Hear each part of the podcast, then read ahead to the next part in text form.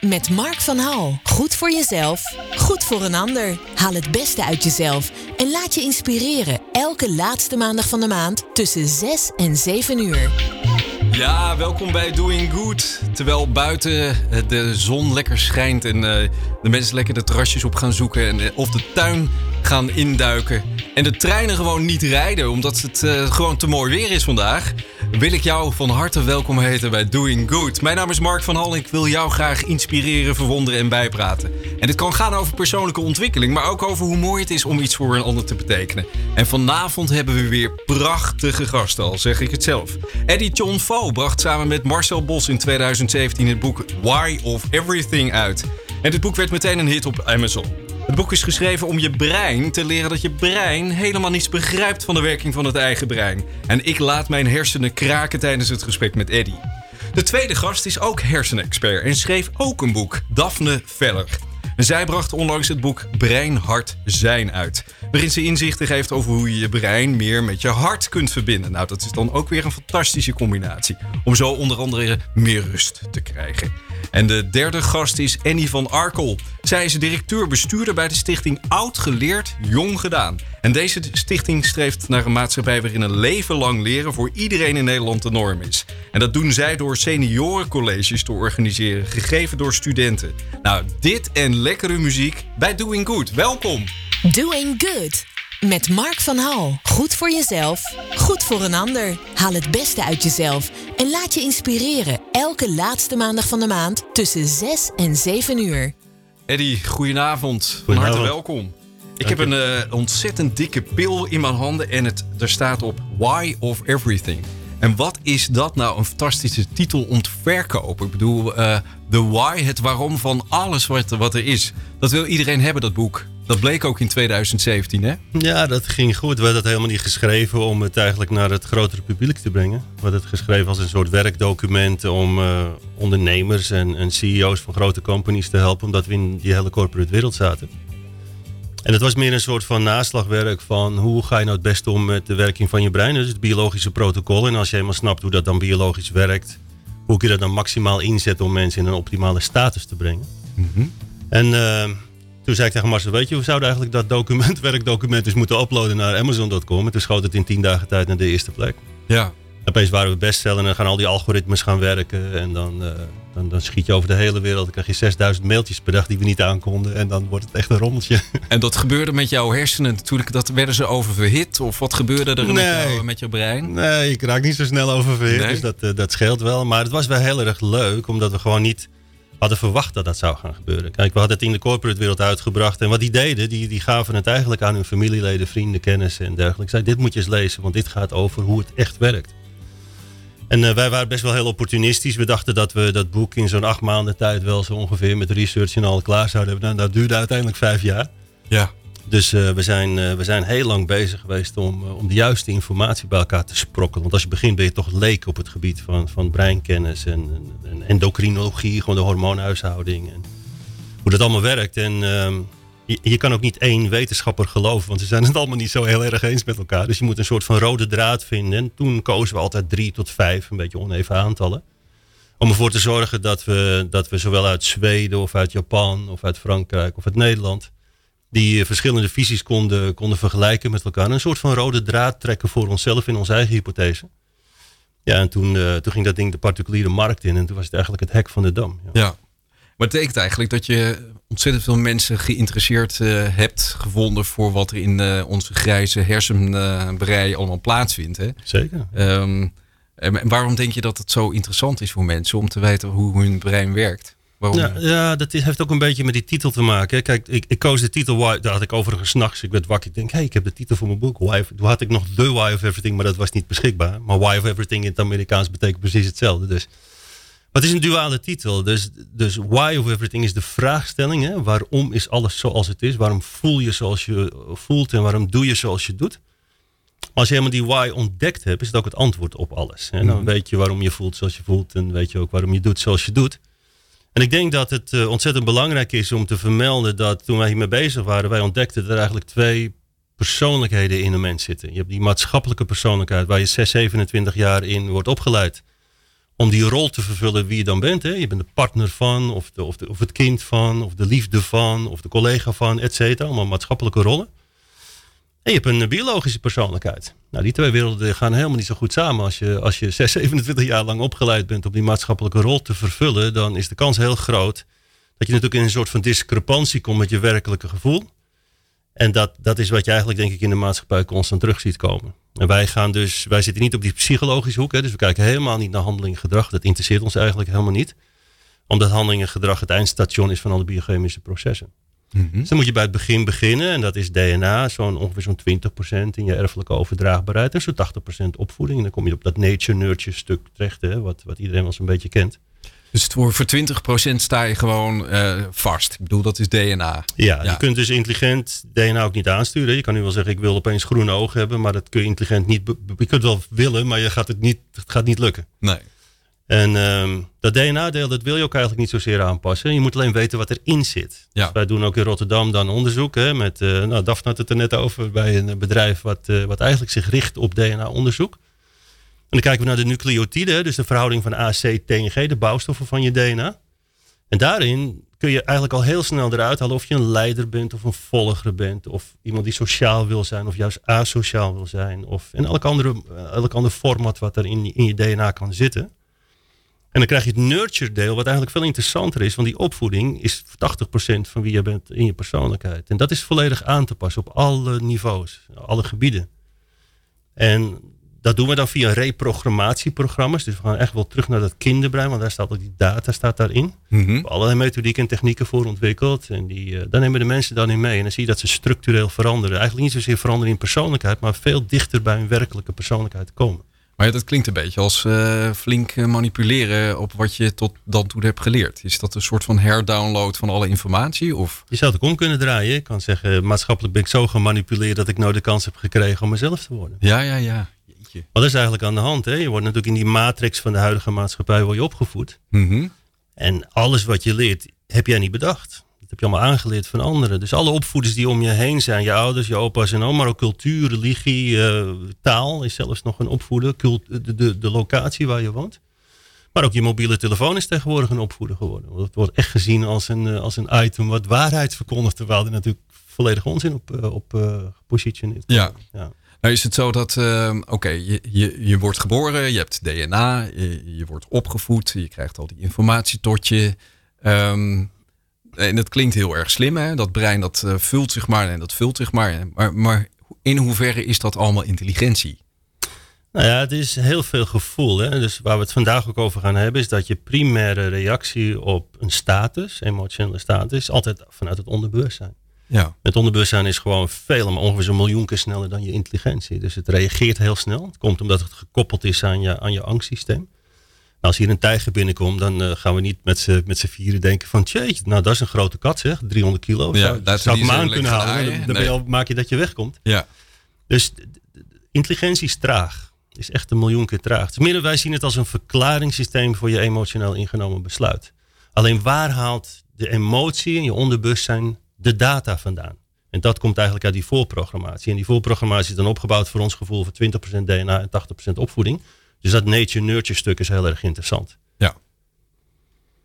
Ik, weet je, ik ben misschien een beetje, eh, hoe zeg ik dat, mijn brein kan het nog wel redelijk volgen. Hè? Ehm, maar ik wil toch nog even een stapje terug. Ja. Um, je, je, the why of everything. Hè? Dus um, waarom doen wij wat we doen?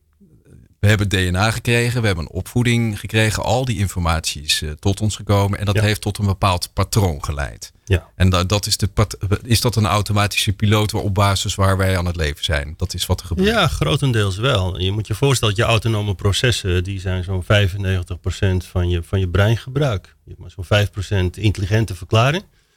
Dus dat betekent dat je eigenlijk... Uh, nou, iedereen herkent het wel. Soms rij je naar huis, hè, als je de route heel vaak rijdt en dan denk je, hé, ben ik nu al thuis? En je kan het hele stuk van het laatste kwartier kan je helemaal niet eens terughalen. Terwijl je brein toch in staat is om auto's te ontwijken en fietsers te laten overleven en kinderen te laten oversteken op het zebrapad. En, en je, je bent er niet bij. Dus je hebt geen directe connectie op dat moment tot je intelligentie. Dus dat gaat op de automatische piloot. En het interessante ervan is, als je weet hoe dat werkt biochemisch gezien, dus wat voor stofjes er vrij worden gemaakt, om het zo maar te zeggen dan kun je het in je voordeel laten werken. Mhm. En anders ben je normaal gesproken slachtoffer van het systeem. Ja. Want datgene wat jou aangeleerd is, dat wordt door jouw brein over het algemeen gezien als waarheid. Is over het algemeen een perceptie van een waarheid. Maar ja, als jouw brein dat gelooft, dan is het voor het brein een, een keiharde waarheid geworden. En dan, eh, dan loop je daar best wel op vast. Ja, en, en zo is dat brein dus eh, in staat om ons eh, een soort van gevoel te geven dat alles klopt zoals het is. Hè? Maar eh, we kunnen ook op een andere manier met het brein aan de slag, zodat we nog meer uit het leven halen dan dat we dat nu doen. En dat is een, eh, een, een soort van geheim. Dat klinkt als een geheim. En ik ga, we gaan dat niet meteen eh, vrijgeven natuurlijk. We gaan eerst even naar een stukje muziek gaan lu- luisteren. Gezellig. En, en het is wel echt ook hele zomerse muziek. Ja? Eh, ja. Ah, ja, daar gaat hij dan, hè? De, de grote grijns verschijnt op het gezicht van Eddy.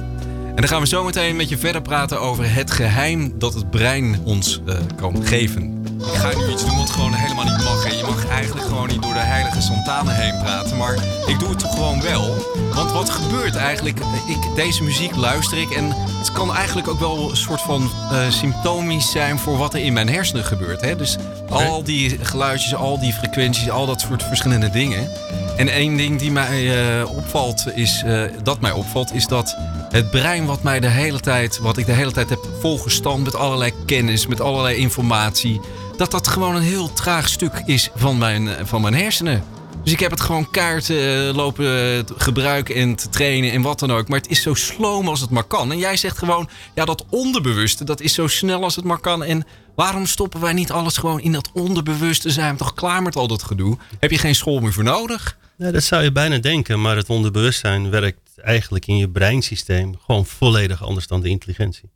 Oké. Je onderbewustzijn heeft data nodig om te komen tot een gevoelstructuur. En vanuit het onderbewustzijn worden dan hormonen aangemaakt. Ja? En hormonen staan eigenlijk gelijk of synoniem aan gevoel. Ja? Als je boos wordt, dan is het over het algemeen dat je eh, cortisol, adrenaline en noradrenaline hebt aangemaakt. Mhm. En dan vindt jouw brein dat het volledig in zijn recht staat om boos te zijn. Ja. Dan kan je intelligent wel tegen iemand zeggen: Mark, eh, je moet niet boos zijn. En dan wil je ook nog wel een beetje meedoen, intelligent. Zeggen: Ja, je hebt wel gelijk, moet ik niet doen. Maar je gevoel zegt gewoon: Ik ben voorlopig, voorlopig even een kwartier boos. Ja. Dat is een regel overtreden. Die regel komt eigenlijk weer uit je voorprogrammatie. Soms weten we de regels niet eens. We zitten diep weggestopt in ons onderbewustzijn, maar we voelen het wel. Ja. Dus er is voor ons een groot verschil tussen voelen en denken. Weten. Dat is allemaal intelligentie. Denken en weten is intelligentie. En voelen zit veel meer in het subconscious deel, dus het onderbewuste deel. Nou, Daphne die zal er zo ook over, wat over vertellen. En ik denk dat die, die combinatie, als je die twee delen goed laat samenwerken, dat je dan in die balansstatus komt waar elk mens eigenlijk in wil zijn. Er is nu te veel disbalans, omdat ze of kiezen voor alleen maar mindfulness, dus alleen het gevoelsdeel, of alleen maar intelligentie, de ratio. En dan krijg je het echt niet goed voor elkaar. Nee. Is, is het eh, goed als ik jou begrijp dat... ehm, nou, we hebben dit allemaal ehm, doorstaan. Hè? We hebben die programmatie, we hebben DNA. Maar er is altijd een mogelijkheid, een moment... om een beter mens te worden of beter met je brein om te gaan. Zeker. En daar heb jij samen met je eh, mensen... Hè, heb je een methode ontwikkeld om daar naartoe te gaan. Ja. Welke stappen zou ik eh, daarin kunnen ondernemen? Nou, kijk, de methode die we ontwikkeld hebben, die heet dan NCE, Neural Cause and Effect. Dus wij kijken naar wat je neuronen precies doen bij het creëren van hormoonaanmaak. Ehm, en wat interessant is, denk ik, in dat stuk, is dat op het moment dat jij een bepaald gevoel hebt en je weet niet waar het vandaan komt, dan moeten we met jou naar dat gevoel toe om te kijken waar het ontstaan is. Nou, de meeste van onze klanten hebben dan het idee dat het eergisteren ontstaan is, want toen gebeurde het. Dat is eigenlijk een trigger maar die trigger heeft weer een referentiekader nodig. En als je dan echt goed gaat uitzoeken, dan zie je dat de meeste van die triggers geactiveerd worden door data die opgebouwd is van 0 tot 8 jaar. Als je daar hebt geleerd bijvoorbeeld dat God bestaat, geloof je voor, je voor de rest van je leven dat je God bestaat. Je hebt het nog nooit kunnen bewijzen, maar je gelooft het wel. Als je kijkt naar iemand anders die heeft geleerd, ah, eh, weet je, een zoon of een dochter van wetenschappers, die heeft geleerd dat God niet kan bestaan, die gelooft dat God niet kan bestaan, kan het ook niet bewijzen. En als wij kijken naar het brein dan, en dan zien we in insula, in dat gebiedje, zien we dat als we het woord God noemen, dat het bij alle twee de partijen tegelijkertijd oplicht. Dus voor het brein is er geen bewijs nodig voor geloof. Het voelt op basis van de referentie. En op basis daarvan neemt het status in. En dan gaat het handeling en gedrag vertonen. Wordt het boos of het gaat discussiëren of het gaat zelfs vechten tot aan de dood aan toe. Voor iets wat ze niet kunnen bewijzen.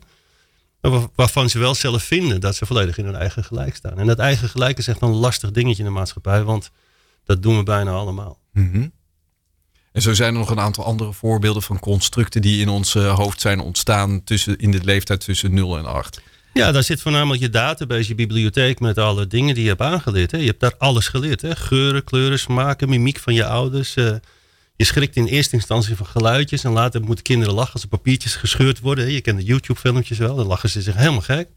En dan zijn ze zeven maanden oud en dan gaan ze helemaal in de duik van papiertjes die doorgescheurd worden. Want het is voor hun het eerste keer dat ze dat geluidje horen. En dus het is zo interessant om te snappen hoe die, hoe die basisprotocollen allemaal werken. En we denken wel dat we heel individueel en uniek zijn. Dat zijn we op basis van, van onze opvoeding wel en op basis van onze DNA aanmaken. Vooral de verwerking van, van de hormonen, de aanmaak en verwerking van hormonen. Maar in principe zijn we zo generiek als, als, nou ja, als één diersoort. En dat is mhm. de diersoort Homo sapiens. Ja. Ook tussen man en vrouw. Dus we, zijn al, we lijken allemaal heel erg op elkaar. Maar hoe komt het verschil dan uiteindelijk? Opvoeding. Opvoeding. En DNA. Ja. Dus we, wij deden een sessie met, uh, twee, uh, met een een eigen tweeling. En het ene meisje wilde wel naar mama toe lopen als mama er riep. En het andere meisje nooit. En toen was die moeder was best wel in de war. We gaven een lezing ergens. En kwam die moeder kwam naar ons toe. Die zei, hoe komt het nou? Mijn, ene dochtertje houdt meer van me dan mijn andere dochtertjes. Ik zeg, oké, okay, nou, is het leeftijdsverschil? Nee, het is een ene eigen tweeling. Daarom ben ik zo in de war. Ik zei, nou ja, dat, dat kan ook biologisch zijn. Zegt ze, biologisch, dat begrijp ik niet. Ik zei, nou, als, als de hersenen oxytocine sprayen bijvoorbeeld, om het zo maar te noemen. Dan kunnen de receptoren vangen dat op. En die verwerken dat dan. En dan geeft dat een gevoel van veiligheid. Normaal gesproken met oxytocine. Maar als je een normale spray hebt in je hersenen je hebt te weinig receptoren, dan geeft het een gevoel van onveiligheid. Dus dat tweede dochtertje, wat niet naar mama toe liep, dat was eigenlijk veel voorzichtiger dan haar zusje. En nam daar ongeveer 30 seconden tot een minuut voor, voordat ze naar mama toe liep. Want toen zij eenmaal wist dat het biologisch was, en niks te maken had met dat haar kind wel of niet van haar hield, mhm. was dat meteen een rustpunt voor haar status, voor die moeder. Want die kon hem opeens uitleggen, oké, maar er zit dus biologisch iets anders bij haar en elkaar. Ik moet het dus anders inkleden. Ja.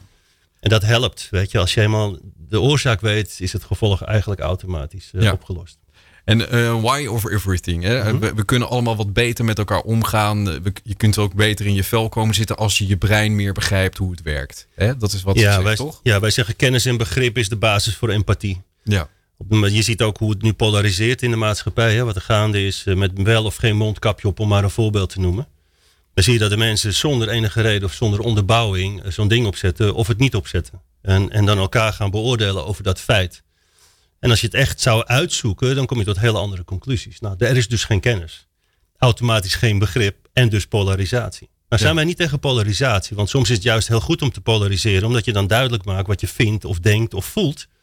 En dan moeten wij normaal gesproken vanuit ons vakgebied gaan we bemiddelen over hoe je dat dan bij elkaar brengt. Maar dan is het in ieder geval duidelijk hoe beide partijen denken.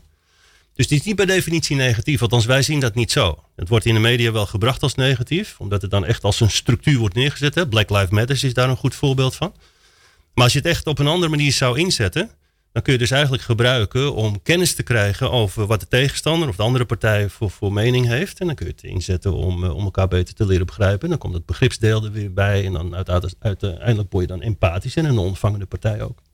Nou, is het zo dat je met, met je Sparkwise Academy kun, uh, bied jij mensen aan om uh, toch dat brein op een andere manier te programmeren? En dat, ja. uh, dat doe je dan gedurende een aantal jaren.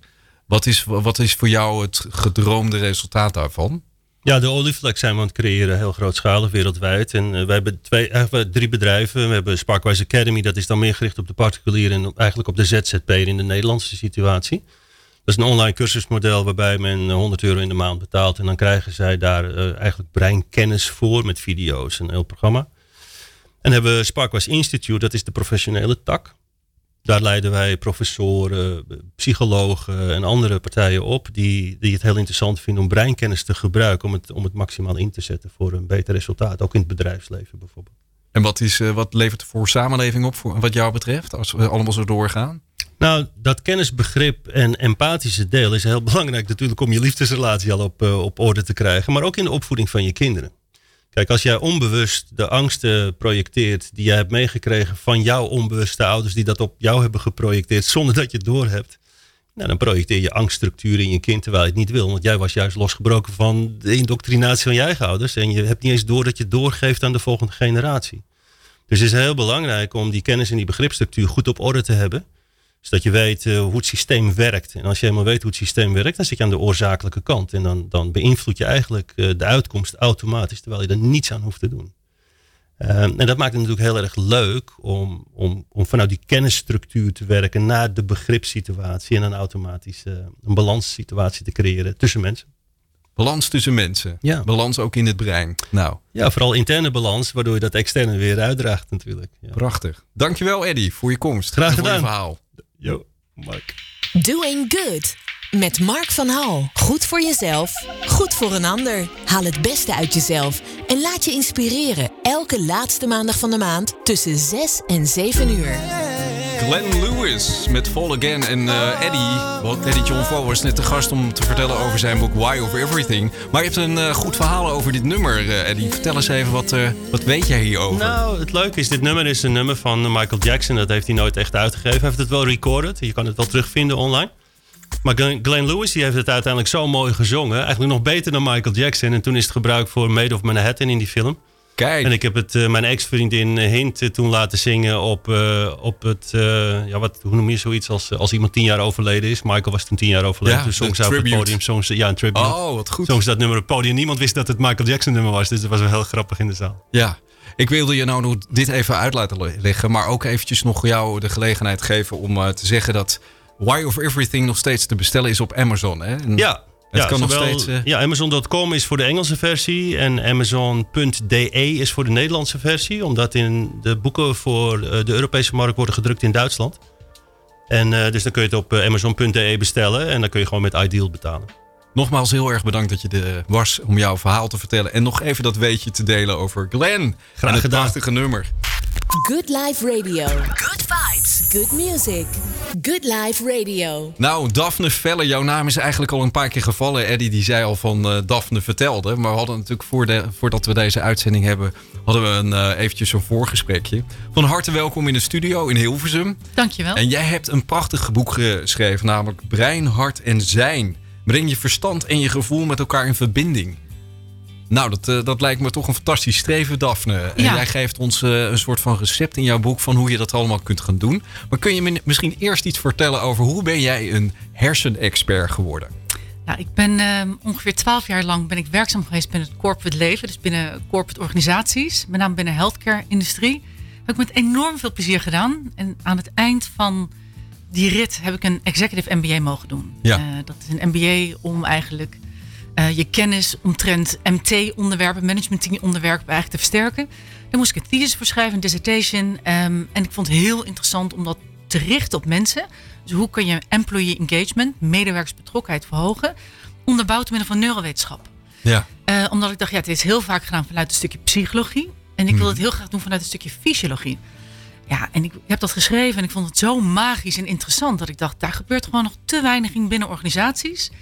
En ik vond het gewoon heel belangrijk dat die kennis niet op, alleen op hele complexe wijze werd verteld naar mensen, maar ook op begrijpbare wijze dat organisaties het eigenlijk direct kunnen implementeren binnen hun dagelijkse operationele werkzaamheden. Nee, want als jij het vertelt, hè, die ogen worden alleen maar groter bij jou en het spat er gewoon van af. Maar wat, wat, wat gebeurde er bij jou dan toen je al die informatie bij je tot je kreeg? Nou, het is natuurlijk, en, en die zei het net ook al even, het is natuurlijk enorm interessant om te begrijpen, ja, waarom doe ik nou bepaalde dingen? Ik denk dat iedereen wel de situatie kent dat je denkt, oké, dit is me al vaker voorgekomen en weer zit ik in deze situatie. Hoe kan dat nou? nou dat is inderdaad een stukje onbewustzijn.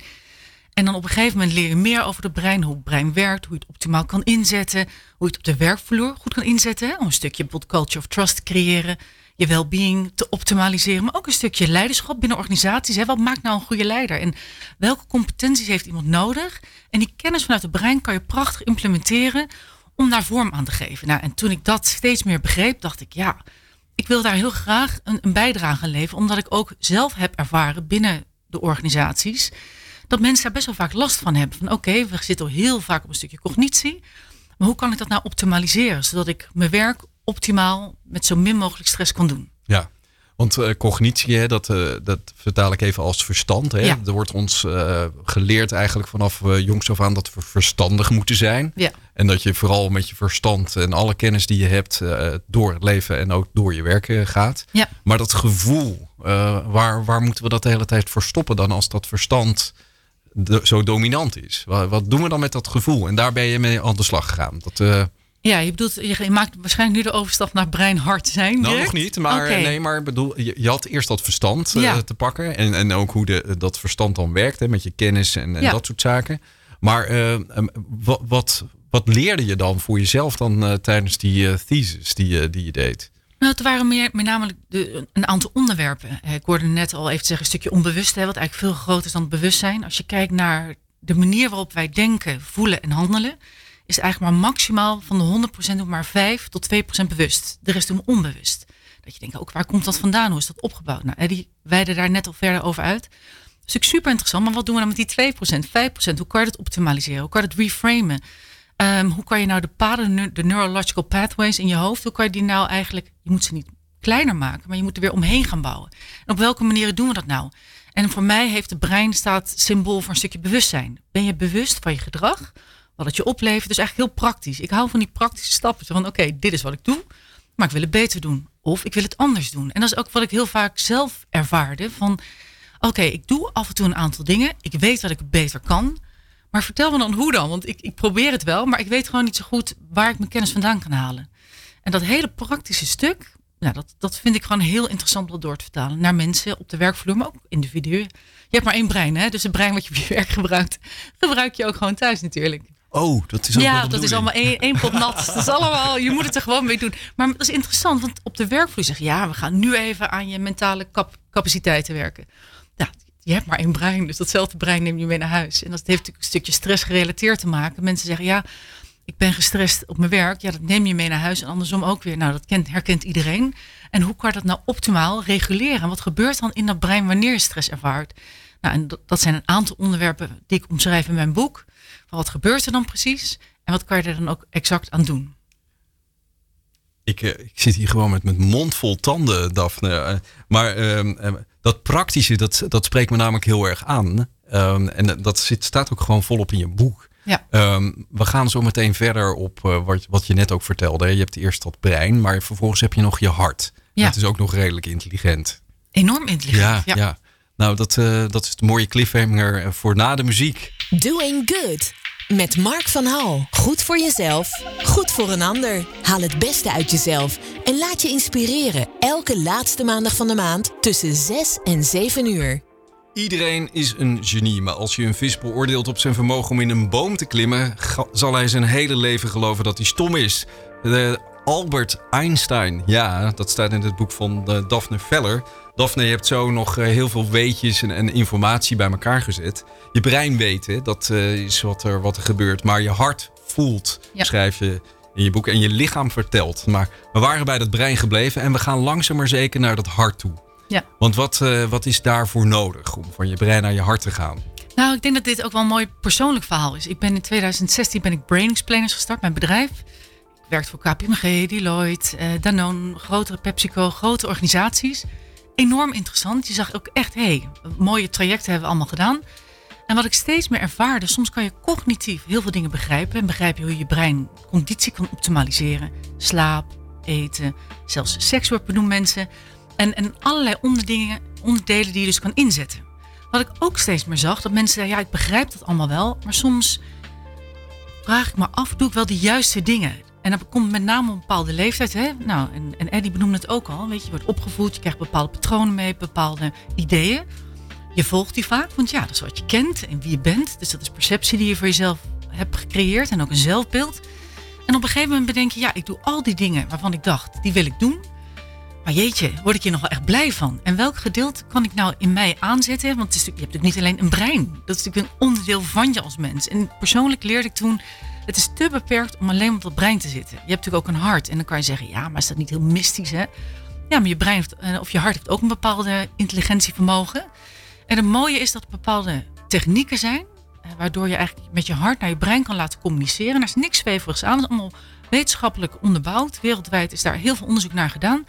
Om dus te kijken van oké, niet alleen vanuit het brein naar het hart, maar ook het hart naar het brein communiceert. Waardoor je eigenlijk veel sneller naar gedragsverandering kan komen. Maar ook een beter, relaxter en ontspannen gevoel over je leven en over jezelf. Ja. En toen ik dat op een gegeven moment steeds meer ging ervaren en daar oefeningen voor ging creëren binnen mijn ontwikkeltrajecten, ja, dan zie je echt al die lampjes aangaan. Dan denken mensen, oh ja, maar dit raakt me. dit is wie ik ben. Dus, dus, dus, dus dit is wat mijn hart vult. En juist bij dat gevoel, dan ga je het brein combineren met je hart. En dan denk je, ja, dan gaan mensen vliegen. Ja. En misschien je, herkennen mensen het ook wel. kun je een voorbeeld geven uit je eigen leven dat het zo gebeurd is? Ja, nou, misschien wel exact dit ook. Ehm, eh, ik heb heel lang met corporate gezeten. Vond ik leuk. Ik leerde veel. Ik heb heel veel intelligente mensen had ik om me heen. Dus ja, je, je groeicurve wa- was groot.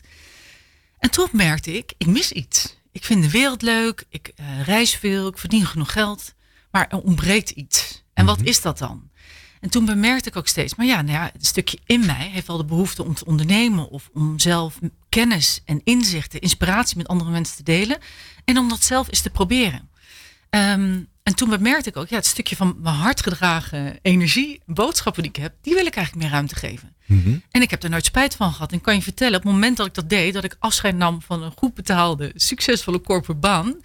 En ik zei, ja, ik ga een eigen bedrijf beginnen. Dat ik toch wel heel vaak met scheve ogen ben aangekeken van, dit heb je toch helemaal opgebouwd. Waarom ga je nu weg? Ja, heb je iets geslikt of zo? ja, Dat, eh, ja, geslikt, gedronken, wat, wat ook voor handen was. Ze Ja, dachten dat ik het allemaal ja. had genomen. Ja, ja, precies. Nee, want dat, dat is een, eh, een beslissing die je op dat moment hebt genomen, omdat je ook naar je hart bent gaan eh, luisteren. Ja, op een gegeven moment, en dat is, is best lastig om echt eerlijk met jezelf te zijn. Dat omschrijf ik natuurlijk ook in dat boek, of in mijn boek. Ehm, je, naar je hart durven luisteren, een stukje zelfliefde. Is het ego of is het intuïtie? We doen heel veel op basis van ons ego. Dat omschrijf ik ook. Een ego heeft te maken met je wil erkenning van andere mensen, je wil gezien worden. Of doe je het van, hé hey, ja, ik word er als mens heel blij van. Het zijn twee compleet verschillende dingen. En soms zien we niet eens in dat we heel veel dingen op ego doen. En alleen al die bewustwording en dan terug kunnen gaan naar, hé, hey, wat wil ik echt en durf ik daarachter te gaan staan, is, lijkt heel makkelijk, maar is best een lastig traject af en toe. Maar kan je wel garanderen dat als je het doet en leert en daar nou, wat moed in toont, want dat, daar heeft het ook mee te maken, dat je wel eh, aan het eind van de dag terugkijkt van hé, hey, mijn dag was wel echt leuker dan een aantal jaar geleden toen ik daar geen ru- ruimte aan gaf. Ja. En waar komt moed dan vandaan? Eh, Nou ja, je kan je voorstellen dat op het moment dat je je hele leven lang een bepaalde patroon hebt opgebouwd, gedragspatronen of zelfovertuigende belemmeringen noem ik dat zo mooi, hè? bepaalde overtuigingen die je dus tegenhouden, ehm, die ben je gaan toepassen omdat je het hebt geleerd inderdaad van je ouders, van je leraren, van, van je mentoren. Je bent het als waarheid gaan aanzien, pure perceptie. Dan moet je op een gegeven moment gaan bedenken, ja, maar het voelt niet zo goed. Ja, jeetje, het voelt niet zo goed, eh, jongen of meid. Eh, het is toch gewoon wat je doet. Het is je baan. Wat zit je nou? Het voelt niet goed. ja. En dan, en dan Houd goed met je gevoel. Oh ja, hè? je pseudo, Ja, eh pseudopsychologie gezweef. komt Ja. er dan, gezweef. Ja. Terwijl jij denkt, ja, nou, ik voel het toch echt. En eh, aan het eind van de dag ben ik moe. Vind ik het toch allemaal niet zo leuk. Eh, ik ga maar op vakantie om mezelf even op te laden.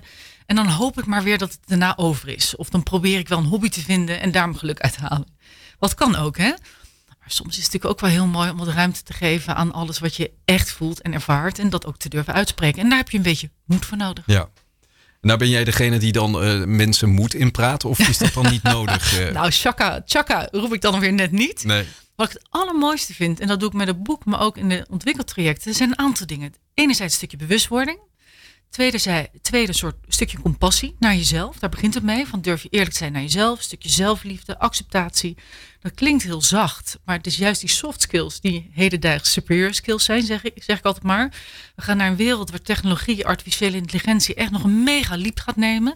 Dan zijn het juist die skills en die vaardigheden Ja, maar dat hebben wij natuurlijk allemaal al tot ons. Dat al die geautomatiseerde dingen, die kunnen dan lekker doorgaan. Al die intelligentie. algoritmes gaan en, het en wij kunnen lekker zacht zijn met z'n allen. Ja. ja. Ja, en noem het zacht, maar eh, dat zachte wordt wel heel erg belangrijk. Dus het gaat om een stukje compassie en uiteindelijk gaat het ook om een stukje veiligheid, vertrouwen. Kijk binnen organisaties. Als je kijkt nu ook in die hele COVID-situatie, of waar we dan nu weer heen gaan, terug naar kantoor. Eh, hoe ziet mijn baan eruit? Eh, hoe zijn mijn collega's er nog? Hoe gaan we dit vormgeven? Hoe gaan we werken? Wat wordt de structuur? Daar gaat, zit een stukje vertrouwen en veiligheid achter. En hoe creëer je dat nou als CEO? Hoe creëer je dat als leider? Maar wellicht ook als papa, mama, vriend, vriendin. In heel veel verschillende omstandigheden willen we die veiligheid. Ja. Ja. Het is kwetsbaarheid wat je authentiek maakt. Ja. Het is pijn wat je sterker maakt. Dat vind ik wel een beetje lastig altijd. Hè? Want eh, heel veel mensen zeggen, ja, hou toch op met dat eh, pijn, word ik sterker van. Want ik wil die pijn helemaal niet. Ja, ik wens het je ook niet toe. En ik zeg ook niet op een maandagochtend, nou laten we lekker met een flinke doos pijn beginnen. Alleen het is wel onderdeel van het leven. Punt. We hebben allemaal situaties af en toe dat je denkt, het doet pijn, ik vind het niet leuk. Ehm, en ik denk dat het vooruitzicht dat, dat je daar toch doorheen moet. Want ja, dat hoort er eigenlijk bij. Of we willen of niet. Is wel een stukje als je achteraf terugkijkt. Dat je vaak zegt. Hé, hey, het heeft me ook wel wat gegeven. Ja. Het zijn de twijfels over jezelf die je om kunt buigen naar zelfvertrouwen. Ja. Ik denk dat iedereen ergens op een bepaald vlak, op een bepaald gebied ergens wel twijfelt. Aan zichzelf of aan anderen. En uiteindelijk, op het moment dat je je bewust bent wat die twijfels zijn. En je durft dat aan te kijken. Ja, dan creëer je dus de mogelijkheid om te zeggen, ja, ik twijfel je in of vind het spannend. Dus je kan het dan ombuigen. En als je dat niet wil uitspreken, dan kom je helemaal nooit op dat punt. En dan blijft die twijfel en die onzekerheid bestaan. Ja, het is verlies wat je een nieuw perspectief geeft. Ik denk de meest, iedereen heeft al een vorm van verlies een keer meegemaakt. Al is het dichtbij in overlijden of ziektes of baan of een huwelijk wat overgaat. Of vriendje of vriendinnetje wat heeft uitgemaakt als verlies. En uiteindelijk, ja, dat doet heel veel pijn. En, en dat gaat voor iedereen verschillende tijd overheen. En de een uh, rouwt kort en de ander wat langer. Maar uiteindelijk geeft het je wel een ander perspectief op het leven vaak. Van hé, hey, um, oké, okay, het leven duurt maar kort, dus we moeten het vieren. Oh, wacht even, ik heb mijn baan verloren, maar ik heb de kracht gehad om toch weer een nieuwe baan te vinden. Dus perspectief wordt altijd door verlies wel veranderd. Ja. ja. En het is boos, boosheid wat leidt naar acceptatie en vrede. Uh, boosheid is er best wel veel in de maatschappij op dit moment. Hè? Ja. Dus dat is op zich een goed teken eh, dat er boos, boosheid is? Of, uh...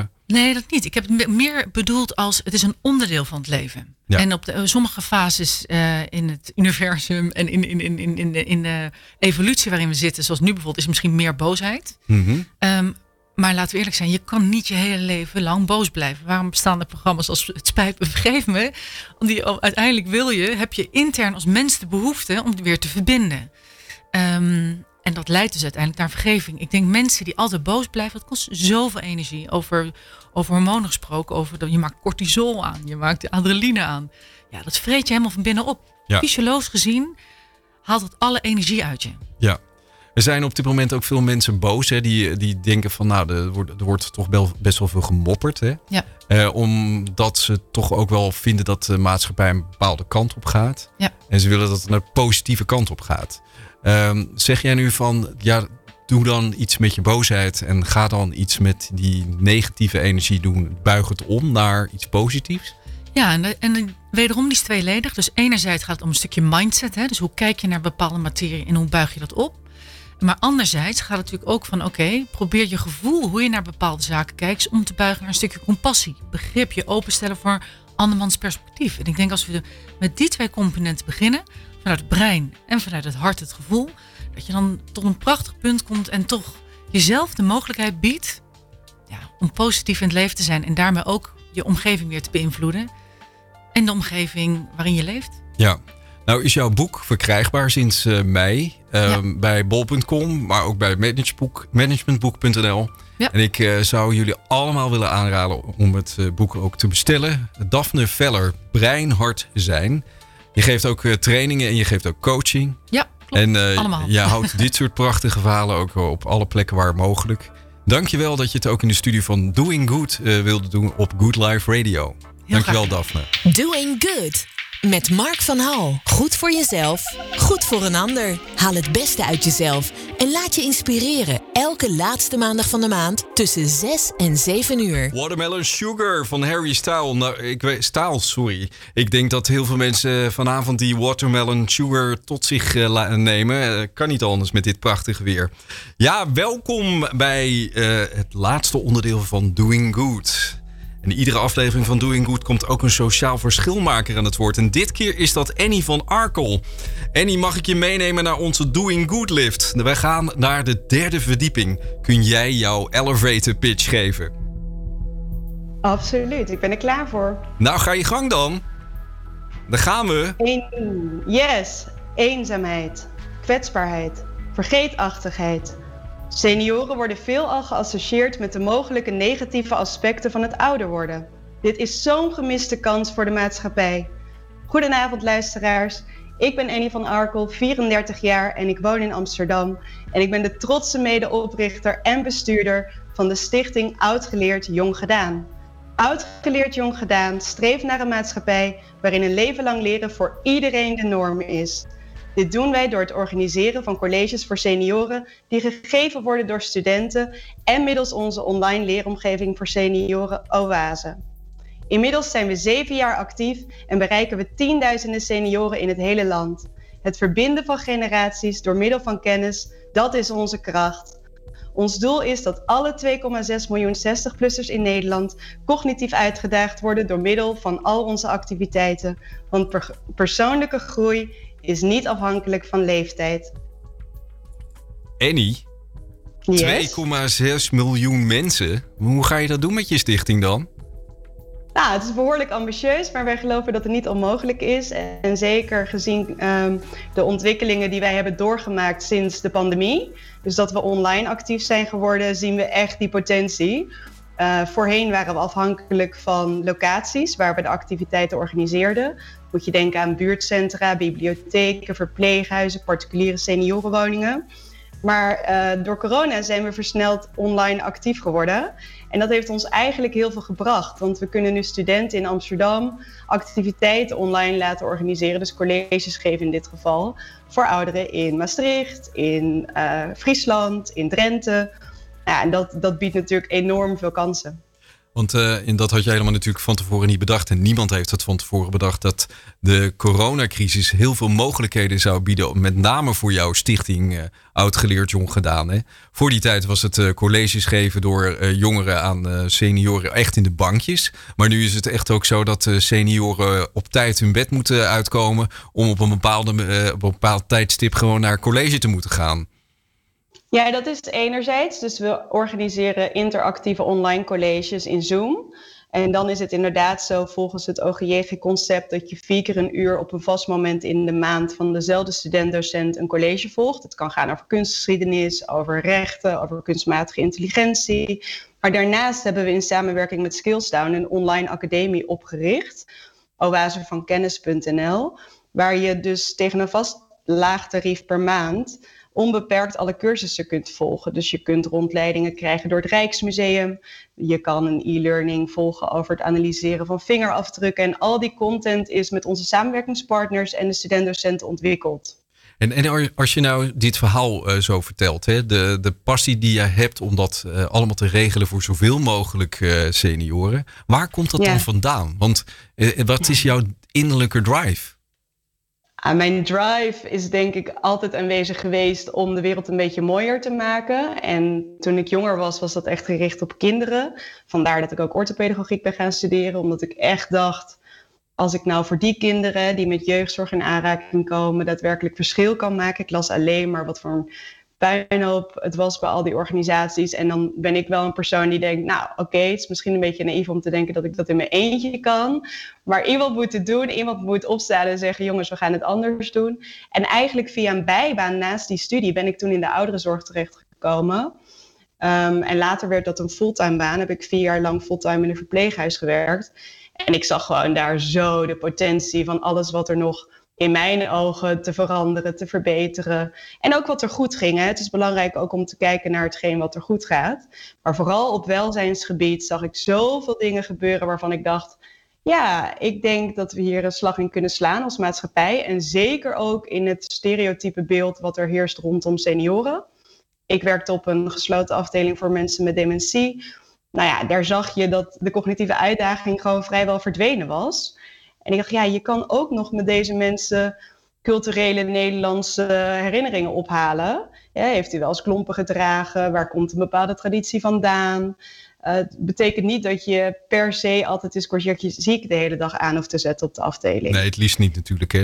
Eén keer is genoeg. Ja, dat is wel wat er bijna overal gebeurt. En dat, wij pleiten ook niet, hè, we zeggen niet schaf die bingo af, schaf de kinderliedjes af.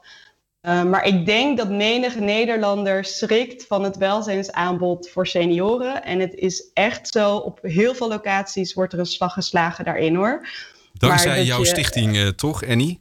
Ik moet het uh, nou, een beetje afronden. Want, want, ja, ik kan met jou natuurlijk gewoon de hele avond wel hierover praten. Maar dat kunnen we helaas niet maken eh, ten opzichte van de rest van de programmering op Good Life Radio. Maar ik wil jou wel een enorm eh, bedanken voor jouw verhaal. En uh, mensen die iets willen doen voor de Stichting Jong Geleerd, of nee, Oud Geleerd Jong Gedaan, kunnen naar de website toe.